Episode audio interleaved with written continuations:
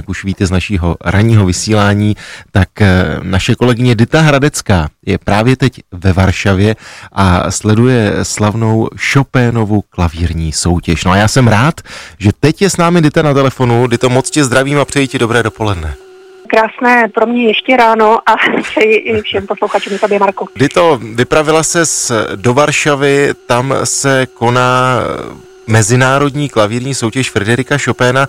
Mám pocit, že to je jedna z těch eh, nejvýznamnějších soutěžních přehlídek vůbec na světě. Je to tak?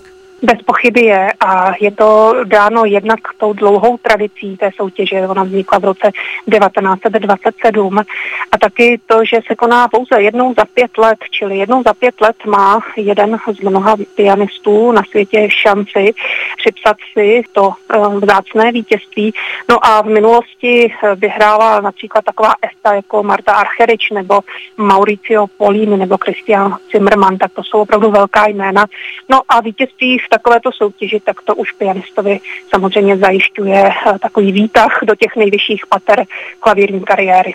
Kdy to dá se vlastně říci, jaký je ten mix těch účastníků, nebo máme tam vůbec nějakého českého zástupce? Tak eh, jak už bývá tradicí, tak z toho rekordního počtu letošních eh, přihlášených, to bylo přes 500 pianistů z 53 zemí, no tak bývá zvykem, že nejvíce jich je z Ázie. A to hned polovina, to jsou čínští pianisté, pak Japonci, Jihokorejci. Následují Poláci, pochopitelně, protože Chopina považují za svého, přestože tedy prožil většinu života ve Francii.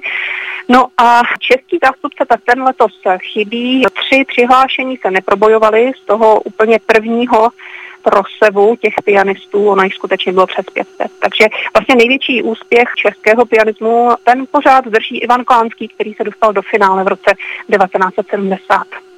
Kdy to pokud se nepletu, tak ty už máš za sebou dva finálové večery, tak eh, prozrať nám, jaká byla atmosféra, jak to probíhalo?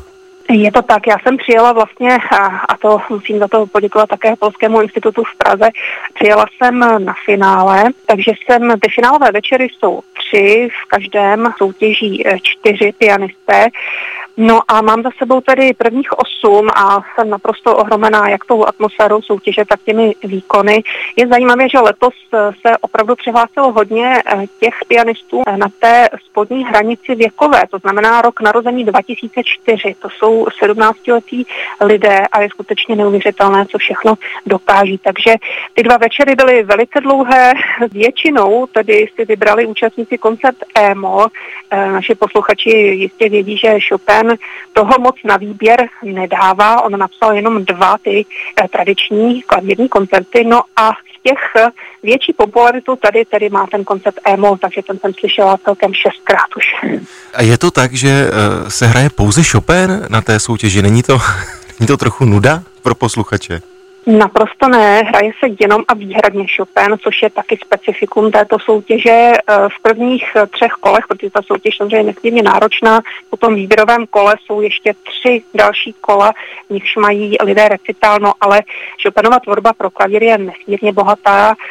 Jsou to velké cykly, jsou tady mazurky, preludia, etídy samozřejmě, kde ten pianista může skutečně prokázat eh, svoje komplexní umění a všechny polohy, eh, které umí zahrát na samozřejmě kulturu tónovou. Takže nuda to určitě není. Já si myslím, že naopak eh, pro publikum je strašně zajímavé porovnat jednu a tu samou skladbu v těch různých interpretacích, protože každý ten solista nasvítí trochu jiné detaily, eh, každý si také vybere jiný klavír. Tady mají pianisté na výběr ze šesti modelů, takže i to hraje roli potom v tom výsledném zvuku a v tom výsledku.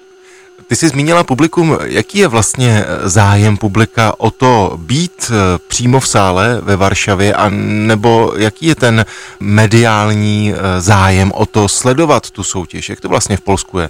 No, je to neuvěřitelné. Nevím, s čím bych to porovnala. Snad jen s velkými sportovními mistrovstvími. Tady v Polsku to skutečně rezonuje, ta soutěž. Tady není jediné médium, které by se tomu nevěnovalo.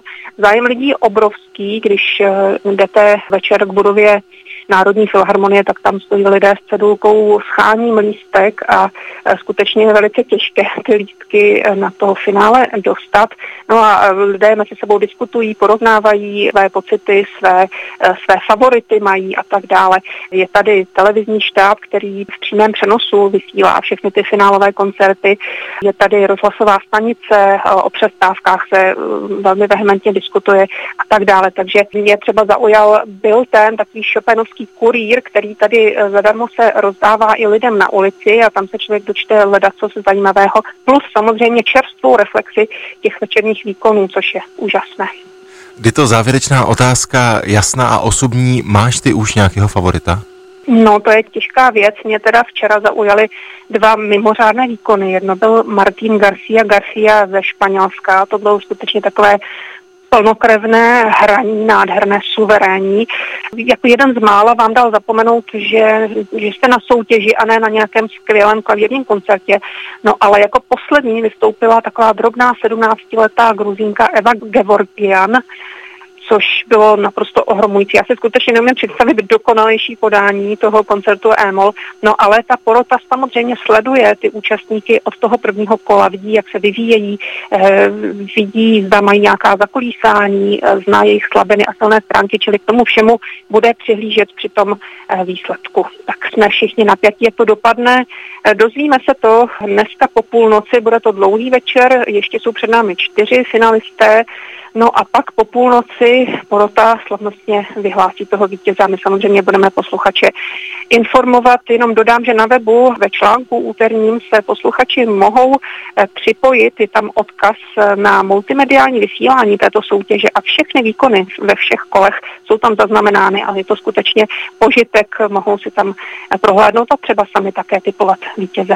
Dito, já jsem moc rád, že pro nás sleduješ varšavskou soutěž Friderika Chopina, ať se vše vydaří, nejenom účastníkům, ale i tobě. No a samozřejmě pak šťastný návrat do Prahy. Dito, díky moc a mějte hezky. Moc děkuji, krásné dopoledne a těším se na slyšenou.